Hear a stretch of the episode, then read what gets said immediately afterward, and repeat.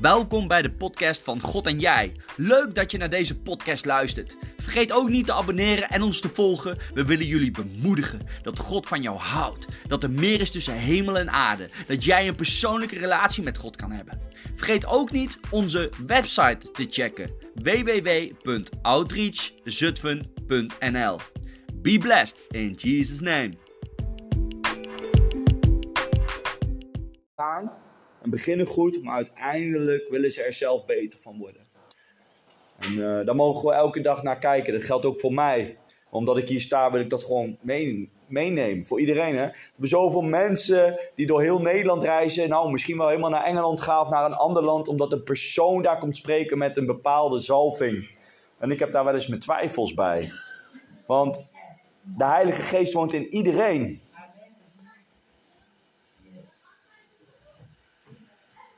Het is geen show. Als ik heb gezien, laatst zag ik een filmpje voorbij komen op TikTok. Uh, uh, ik bedoel op Instagram. En toen uh, was er een man bij een benzinepomp. Die stopt en die vraagt aan een zwerver: How are you? dat was in Amerika. Ik heb hem ook gedeeld met wat mensen. Ik, zag, ik gewoon, kreeg gewoon tranen in mijn ogen. Die zwerver die draait om, kijkt zo. Hij zegt: Weet je hoe lang geleden is dat mensen dat mij hebben gevraagd hè, in het Amerikaans? Ja, die man zegt: Oh ja, maar ik vind het fijn om een gesprek weer eens aan te gaan. Ja, gaat goed. En hij begon ineens over waarom het goed ging. Het ging met hem goed omdat hij Jezus kende. Hij zegt: Ik heb helemaal niks. En toch kwam ik erachter dat ik egoïstisch was. Hij gaf die gast in die auto een hele preek. Die viraal gaat op YouTube. Ik krijg er weer kipvel van.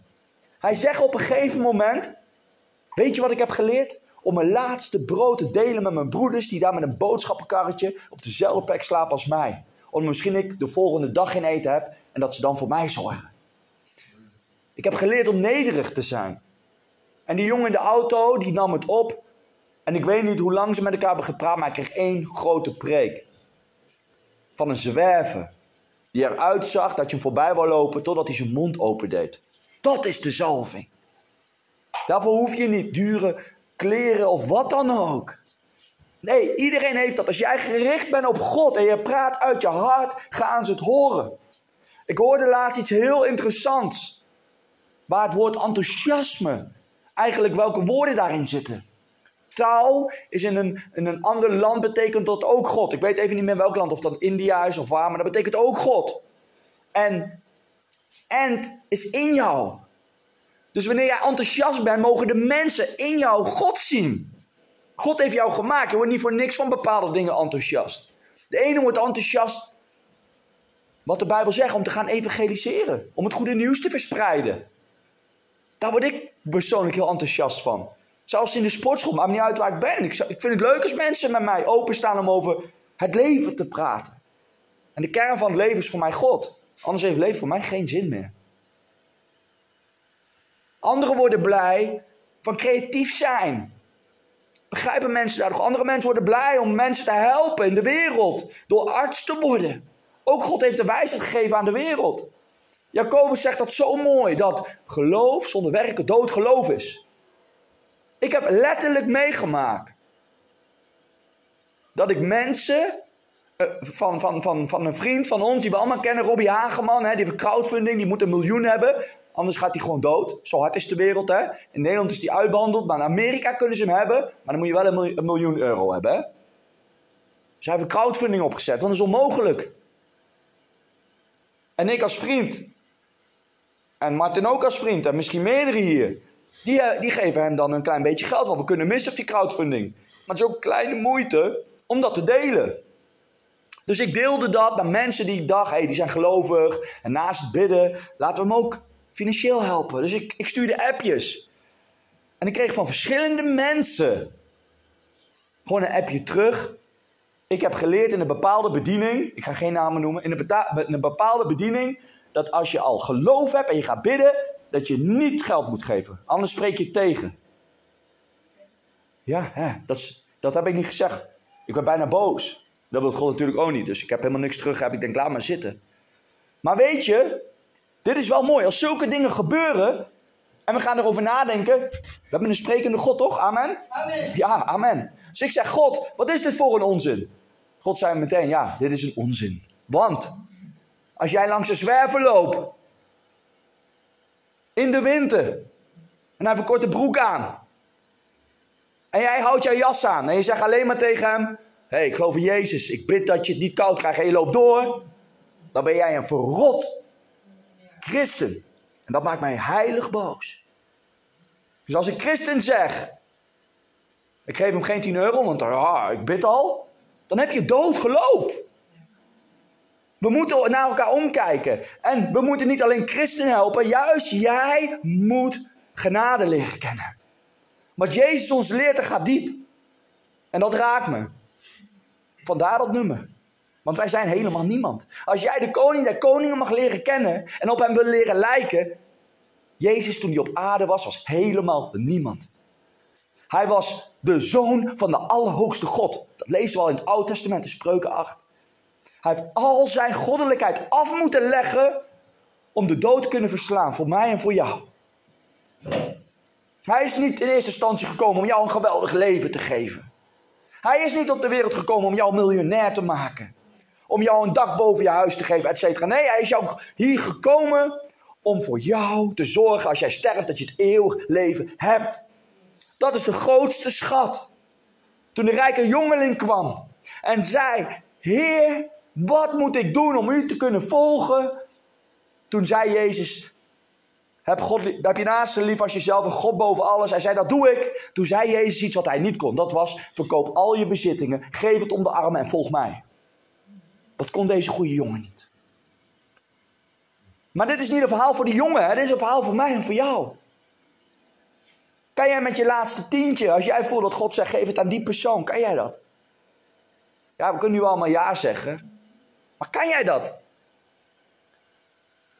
Kan jij dat?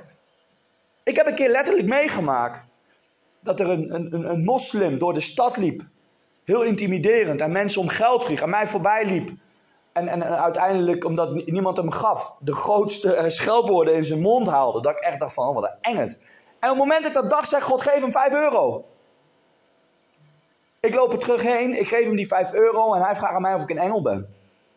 Ik zeg nee, maar ik geef het wel, omdat ik geloof ben. Ja, jij bent christen hè? Ik zeg ja. Hij zegt, ah, ik, ga het, oh, ik, maak, ik ben eerlijk tegen ik ga het opmaken in een koffieshop. Ik zeg, interesseer me niet, ik moet geven, uh, doe ermee wat je wil. Is niet aan mij. Maanden later kom ik hem weer tegen. Geef ik hem 2 euro. En hij zegt tegen mij, ja, ik ken jou, jij bent die christen. Ik zeg, ja. Hij zegt, allemaal dingen. Hij is heel erg gekwetst door religie. Ik begrijp dat niet hoor. Ik begrijp alleen maar dat ik heb gedaan wat ik, wat ik ervaren, wat ik mocht doen. Want het gaat niet om mij. De mooiste getuigenis in jouw leven gaat niet om jou, gaat als je uitstapt en lef hebt. En dat heeft niks te maken of je het over God hebt. Soms hoef je helemaal niet over God te hebben, maar gewoon je daden spreken voor zich. God houdt net zoveel van, Israël als van Palestina. Hij wil bidden. Waarom? Omdat het in de Bijbel staat. Heb je naast die van jezelf God boven alles bid voor je vijand. Krijg je een klapje ene wang keer je andere wang om. Dat staat gewoon. Dus hou op met discussiëren. Als er geen liefde is in het spel, dan moeten wij naar binnen kijken en moeten wij innerlijk veranderen. Het is echt genade. 1 Korinthe 13, vers 13, die eindigt zelfs met: We hebben dus deze drie dingen: geloof, hoop en liefde. Maar de belangrijkste van deze drie is de liefde. Dat moeten we altijd onthouden. Paulus schrijft dat. Paulus was een moordenaar. Paulus was een hele slecht mens. Die dacht dat hij goed was omdat hij zich helemaal hield aan de Torah. Dus hij was zogenaamd in die tijd een vrome Jood. Hoe, hij deed alles wat, wat de woord zei. Maar ondertussen, mensen die niet geloofden wat hij geloofde, vermoordde hij. Zag hij als engels, moesten de gevangenis in. Hij oordeelde, hij speelde als God. En er zijn zoveel christenen, ik heb geen zin om naar mensen te wijzen, laten we maar eerst naar onszelf wijzen. Er zijn zoveel christenen die, die genade ontbreken. Die niet omkijken in de wereld. Die alleen maar denken, oh, ik heb gebeden, het is goed. Het is doodgeloof. Paulus, deze Paulus is zo diep gegaan. Zo diep gegaan als we lezen in het Nieuw Testament, wat hij allemaal heeft geschreven, is één ding wat Paulus echt heeft geleerd, dat is genade. En nog iets anders, dat is dat de allersterkste wapen de liefde is. De liefde verdrijft angst.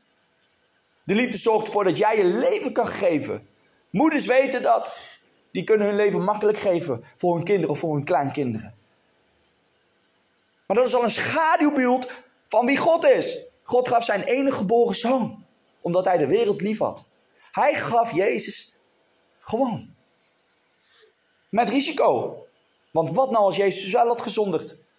Alles voor niks geweest, hè? God nam een risico omdat hij vertrouwen had in zijn zoon. God nam een risico omdat die potentie zit in de mens. Maar wij moeten de keuze maken. Willen we op Jezus lijken of willen we een religie geloven? Willen we gewoon geloven? Willen we gewoon lekker doen waar we zin in hebben? En liefste ja, ik ook. Maar als wij een relatie hebben met Jezus, komen we erachter dat het leven zoveel mooier is als je achterkomt dat jij een niemand bent en vertelt over die iemand. En als je dat doet, ga je zo vol worden van Jezus dat je wel op hem wil lijken. En dan nog vallen we hoor. We zijn maar mensen. Wat is liefde, legt Paulus uit. Ik ga niet het hele 1 Korinthe 13 voorlezen, maar kan je wel vertellen, ik heb meerdere malen in de markt of waar dan ook gepreekt en altijd heb ik gewoon de hele hoofdstuk 1 Korinthe 13 hardop voorgelezen uit verschillende vertalingen. Omdat dat de wereld blijkbaar moet horen. Als ik vraag aan de Heer, wat moet ik spreken op de markt of voor de Albert Heijn of weet ik veel wat. Altijd. Ik heb nog nooit iets anders ontvangen dan 1 Korinthe 13. En dat gaat alleen maar over de liefde. Ik ga een klein stukje voorlezen, dan kan je horen wat onder andere in staat. En ik wil je ook uitdagen. Pak de Bijbel, ga 1 Korinthe 13 lezen. Dat is zo'n ongelooflijk diepe inzicht wat echte liefde is. Dat heeft niks met humanisme te maken hoor. Dat heeft niks met een moraal te maken. Dat heeft te maken met wat liefde is. Wat genade is. Hoe God liefde zo graag wilt zien door jou heen als je hen dient. 1 Korinthe 13, van 4 eh, tot en, met, tot en met 8 ga ik lezen. De liefde is geduldig en vriendelijk. Liefde wordt niet jaloers. Liefde schept niet op en vindt zichzelf niet vreselijk belangrijk. Hoe vaak zien we wel niet op Instagram als een evangelist een zwerver heeft geholpen? Ik heb die dingen gelukkig nog nooit gepost. En het gaat niet om mij. Echt niet. Maar als ik eh, dit lees en dan denk ik daarover na, ben ik gewoon blij. Oh ja, gelukkig heb ik dat niet gepost. Waarom moet iedereen dat zien als jij iets goeds doet? Hoewel de. Hè? Ja, voor de likes. Is toch zielig? Misschien wil zo'n persoon dat helemaal niet. Maar ja, hij wil toch graag dat brood of dat geld, dus doe maar. Is niet normaal. Liefde zegt of doet geen onaardige dingen en denkt niet alleen maar aan zichzelf. Liefde raakt niet verbitterd. Liefde vergeeft als een ander iets verkeerds heeft gedaan. Liefde vertelt fouten van andere mensen niet door. Denk altijd het beste van een ander en blijft altijd geduldig. De liefde schiet nooit tekort en verdwijnt nooit. Maar profetieën zullen op een dag niet meer nodig zijn. Talen van de geest zullen er niet meer zijn. En kennis zal onbelangrijk worden. We hebben dus deze drie dingen. Komt het weer? Geloof, hoop en liefde. Maar de belangrijkste van deze drie is de liefde. Dit is een klein stukje uit 1 Korinthe 13. Maar als wij dit al horen, doen wij vaak dingen dat we denken uit liefde. Maar we doen er ook wat bij. Wat dus weer de liefde tegenspreekt. Wat ik net al als een klein voorbeeldje benoemde. En ik wijs niet met vingers, hè. Dat is zo'n mooi woord. Dat zeggen veel als ik nu naar jullie wijs. Wat ik ook mag doen dat ik deze plek sta. Maar kijk eens wat ik ook doe. Drie vingers wijs ik naar mezelf. En dat is mooi. Want ik sta hier ook. Toevallig dat ik een zalving heb om te mogen spreken in verschillende gemeentes. Maar elke keer als ik spreek voel ik me ook soms wel een beetje hypocriet hoor. Want dit kom ik ook in tekort. Maar omdat ik hier zo mee bezig ben, weet ik wel weer, ik moet veranderen. En dan kom ik erachter wat een verlossing het is als je erachter komt dat je niemand bent. Zo vaak ben ik gekwetst. Zoveel dingen zijn mij beloofd door grote kerken, door grote godsmannen. Oh joh, als ik die mensen had moeten geloven, dan was ik ook een wereldberoemde predikant al geworden. En soms was ik er heel dichtbij. Gewoon zo even uit mijn leven. En ik was zo teleurgesteld dat zeker verbittering, de, de, de, hoe zeg je dat, om de hoek kwam kijken. Ik ben gekwetst door mensen die mij moesten helpen. Ik ben gekwetst door kerken. Ik ben zelfs soms niet meer welkom in de kerk omdat ik een bepaald thema heb aangehaald die gewoon in de Bijbel stond en geen eens het op een verkeerde manier heb gezegd, maar niet gewenst was omdat deze tijd daar niet meer over gepreekt moest worden. Die dingen maak ik mee. Maar ik ga door, omdat ik het niet voor mezelf doe, maar voor Jezus.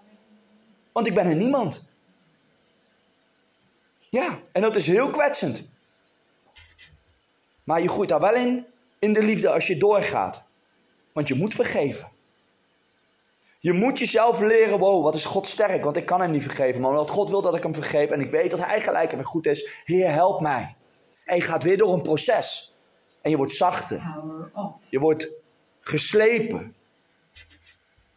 Jezus vertelt zo'n indrukwekkend verhaal. En dat wil ik voorlezen. Dat is een stukje Bijbel. Maar dat is belangrijk omdat we het hier nu over hebben. Ik wil zo graag dat we vanavond nog meer veranderen, nog genadevoller worden. Dat we niet pro-Israël zijn, niet pro-Palestina zijn, maar doen wat Jezus ons leert. Omkijken. Omkijken naar de vijand. Want dat heeft Jezus ons geleerd. Vader, vergeef het hun, want ze weten niet wat ze doen. Stefanus deed hetzelfde. Vader, vergeef het hun, want ze weten niet wat ze doen. Kunnen wij dat? Kunnen wij dat? Wat gebeurt er in jou als je iemand hoort roepen, alle akba? Wat gebeurt er in jou? Wat gebeurt er in jou als je zegt, God is goed? Rot toch op met je God. Wat gebeurt er met jou? Ik heb toevallig gisteren een filmpje gestuurd naar Benjamin van Ponius. Dat, uh, maar dat raakte heel diep. Heb je hem gezien? Ik had heel druk. Ik ga hem nog wel bekijken. Het ging over een man die noemt zich een profeet. De eindtijdprofeet.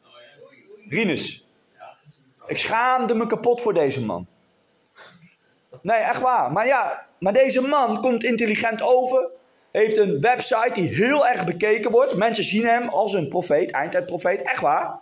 En vervolgens zit hij alleen maar haat te prediken. Zit hij narcistisch over zichzelf te praten. Zit te zeggen, ik ben een discipel van de eindtijd. En ik mag zelfs soms liegen van God als dat nodig is. En in zijn hele huis filmen ze mooie bijbelteksten. Mooi huis heeft hij. Hij komt in het begin netjes over. Maar op het moment als hij over God praat, zie je hoe vol hij van zichzelf wordt. Hoe hij eigenlijk God gebruikt dat hij er mag zijn. Hij maakt andere religies belachelijk. Hij maakt andere mensen belachelijk. Dat deed Jezus niet. Jezus zei alleen de waarheid. En dat deden andere religies pijn. Maar hij wees ze nooit af. Hij maakte tijd midden in de nacht voor Nicodemus, die echt een vrome Jood was, maakte hij zelfs tijd voor. Doen wij dat? En toen ik dit filmpje zag, toen dacht ik alleen maar, oh Heer, wat is hij een doorgeschoten christen, die de christendom juist alleen maar belachelijk maakt. Je zal maar op zoek zijn naar Jezus, omdat hij zoveel kennis heeft, want dat had die man, naar hem luisteren. En als je dan alleen maar zegt, ik geloof niet in God, ga eruit Satan. Als je dat nog één keer zegt in mijn huis. Dat zei die eh, interviewer gewoon netjes. Van ja, dan, dan ben ik een Satan, want ik geniet gewoon van het leven. En ik ben, ik ben zelfs dit en dat. Als je dan nog een keer zegt, moet je mijn huis uit. Zo, echt zei die gewoon voor de tv. Oh, dat kan echt. Verschrikkelijk. Ik zag dat. Ik dacht, ik stuur het even naar Ben. Ik keek hiernaar. Hoewel hij de Bijbel helemaal kende van kaf tot kaf, het allemaal verkondigen was, hoorde ik de Heilige Geest in mij huilen. Weet je wat hij doet? Nog meer mensen wegduwen. Niet naar God trekken, maar wegduwen. Omdat hij juist een Bijbelleraar lijkt. Met veel volgers, grote website en vol is van zichzelf. Weet je wat Jezus was? De allergrootste leider. En weet je wat hij deed? Dienen. Hij waste de voeten van mensen. En Jezus geeft heel mooi onderwijs, waar we het nu eigenlijk over hebben. En laten we nu eens naar dit bekend verhaal luisteren. Het staat in Lucas 10, vers 25 tot 37. Wie weet welk verhaal daar staat? Jij weet dat, Ricky. Lucas 10. Wie weet het? Zo'n bekend verhaal. De barmhartige Samaritaan. Ah, Ik ga het voorlezen. En na dit, wat ik dat allemaal heb verteld, laten we hier eens naar luisteren. Want hier zijn wij misschien ook schuldig aan. Hier ben ik ook misschien wel schuldig aan. Dit leert Jezus gewoon hè, aan mensen die beweren alles te doen wat God van hen vraagt. En dan vertelt Jezus gelijkenis. En voor misschien mensen die het niet zo bekend is met de Bijbel, Jezus werd uitgescholden voor vieze Samaritaan. Want Samaritanen waren uitschot. Dat, waren, oh, dat was gewoon een scheldwoord voor het, voor het Joodse volk. En dan gaat Jezus dit vertellen tegen het Joodse volk. Tegen godsdienstige mensen. Tegen mensen die luisteren naar Jezus. Lucas 10, vers 25 tot 37. Er stond een wetgeleerde op die Jezus met een strikvraag in de val wilde laten lopen. Hij zei: Meester, wat moet ik doen om het eeuwig leven te krijgen? En Jezus zei tegen hem: Wat staat er in de wet van Mozes? Wat lees je daar? Hij antwoordde: Houd van je Heere God met je hele hart en je hele ziel en alles wat je hebt en je hele verstand. En hou ook net zoveel van je broeders als van jezelf. Jezus zei tegen hem: Je hebt een goed antwoord gegeven. Doe dat en je zult leven. Maar hij deed alsof hij wilde uitleggen waarom hij hem dat gevraagd had. Daarom zei hij tegen Jezus: Maar wie zijn dan mijn broeders? Jezus antwoordde: Er reisde eens een man van Jeruzalem naar Jericho. En onderweg werd hij overvallen door rovers. Ze sloegen hem half dood en beroofden hem van alles wat hij had. Daarna gingen ze weg en lieten hem zo achter. Toevallig reisde er ook een priester langs die weg. Hij zag de man wel liggen, maar liep met een boog om hem heen. Daarna kwam er een tempeldienaar langs, maar ook hij liep met een boog om hem heen. Daarna kwam er een man uit Samaria langs, een Samaritaan.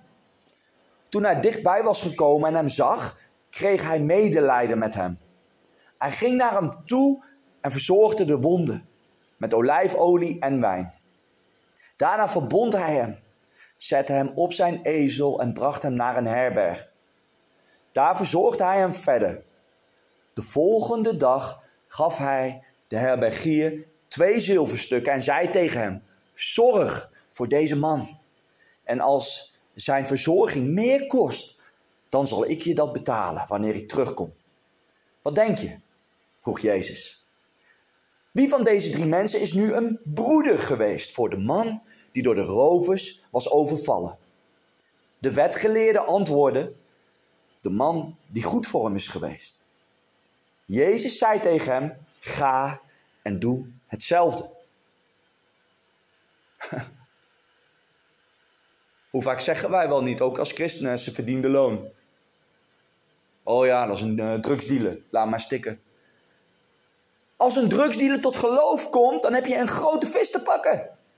Die gaat ineens laten zien hoe die veranderd is door deze God. En ik weet zeker dat er heel wat tussen zitten die ook dan Jezus wel leren kennen.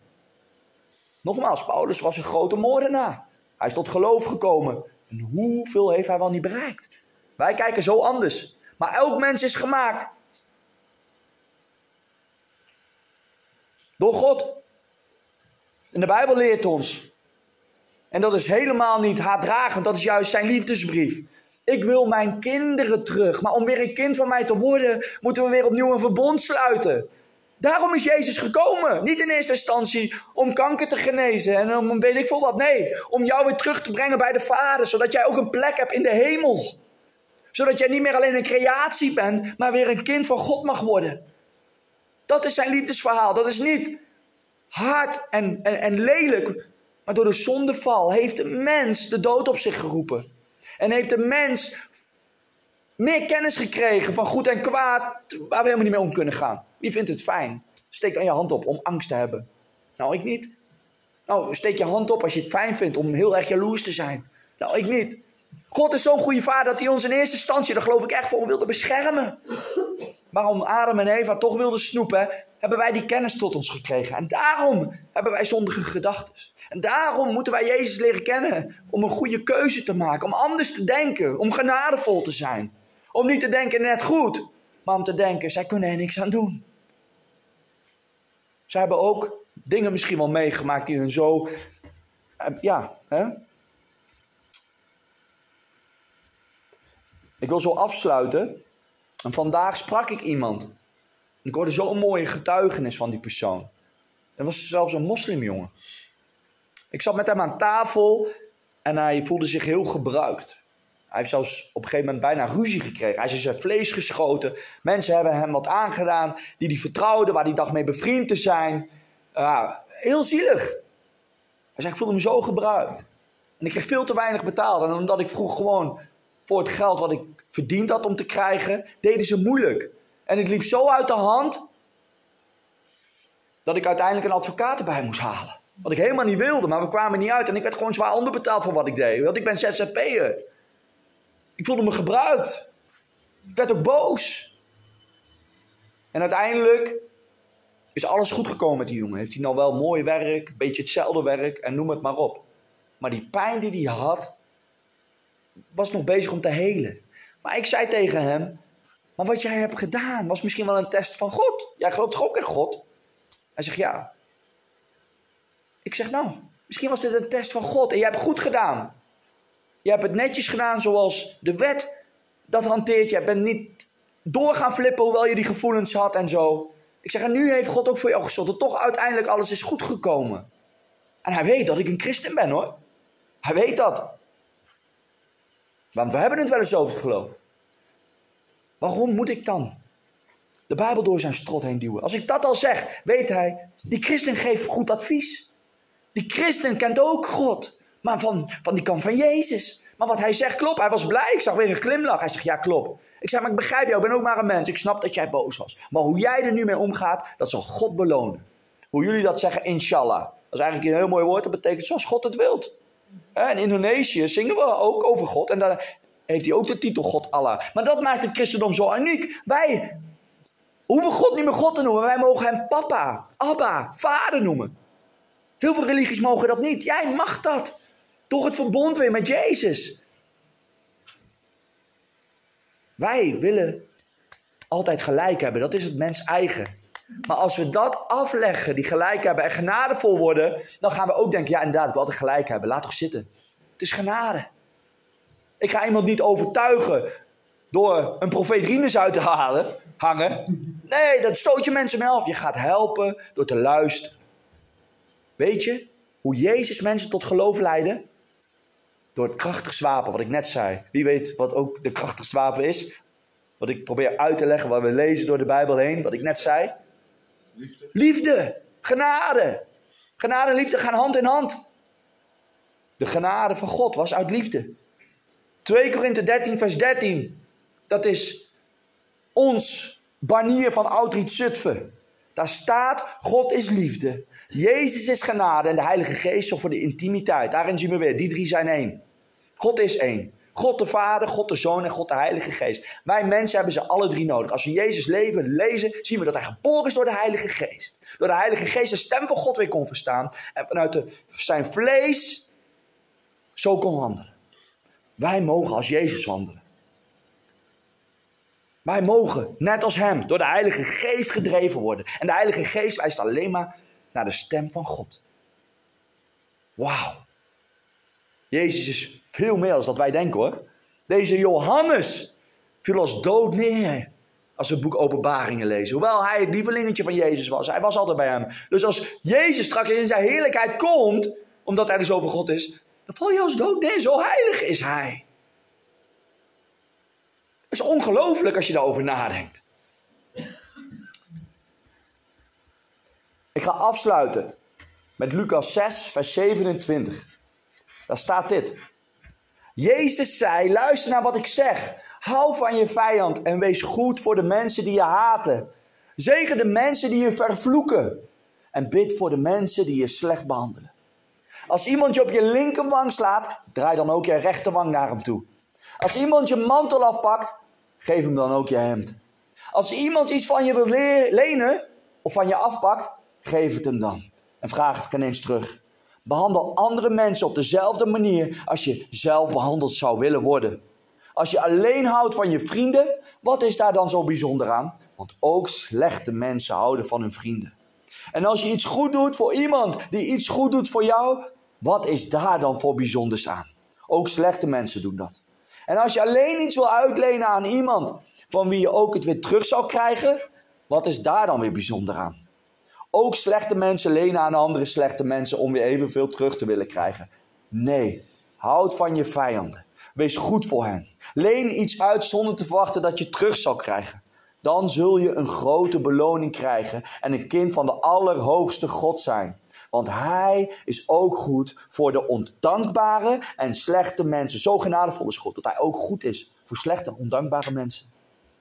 Als wij leven met wereldse ogen, gaan we ook leven en besmet worden door de wereld. Maar wij zijn burgers van de hemel. En wij willen dat het goed gaat met alle mensen, hoe slecht ze ook zijn. Omdat de ziel van God heel kostbaar is. Wees vriendelijk, net zoals jullie vader vriendelijk is. Oordeel niemand, dan zul je ook niet geoordeeld worden. Veroordeel niemand, dan zul je ook niet veroordeeld worden. Laat los, dan zul jij ook losgelaten worden. Geef, dan zal er ook aan jou gegeven worden.